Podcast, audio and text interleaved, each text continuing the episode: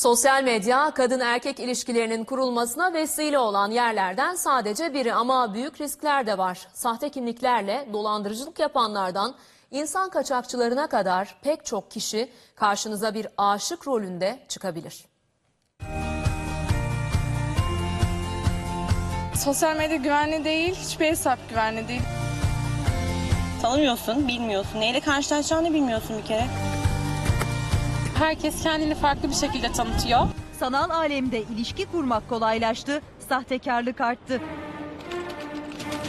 kadın e, profili e, sahtekarlığı altında erkekleri belli bir yere getirmek ve orada maalesef getirdiği parayı veyahut da işte üzerindekileri almak maalesef sonu ölümle biten ve uzun yıllar ya da kayıp olarak karşımıza çıkan olaylarla da karşılaşmıyor değiliz. Sosyal medyadan biriyle tanışmak kadar büyük bir saçmalık yok bence. Sosyal medyada binlerce profil var ancak bunların çoğu gerçeği yansıtmıyor. Gerçek kişilerle iletişim halinde olduğunuzdan emin olmak içinse bazı önemli noktaları göz ardı etmemek gerekiyor. İlk olarak profil resmini Google'dan kontrol etmek gerekiyor. Belirttiği yerde oturup oturmadığını anlayabilmek üzere de IP sayısının bildirdiği şehirle e, bağlantılı olup olmadığına bakabilir. Sosyal medyada doğru bulmuyorum kızla erkeğin tanışmasını çünkü insanlar birbirini tanıması için en az 3 sene 5 sene bir zaman gerekiyor. Belki sabıkası var, belki cinsel istismar- istismarcı birisi. Sosyal mecralar üzerinden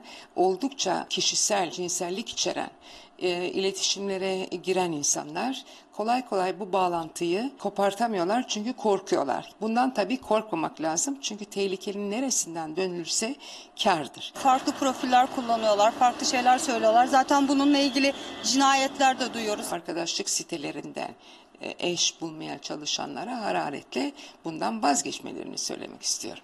İlişkiler sanal olsa da mağduriyetler gerçek. Tedbirler alınmazsa yapılan hataların geri dönüşü olmuyor.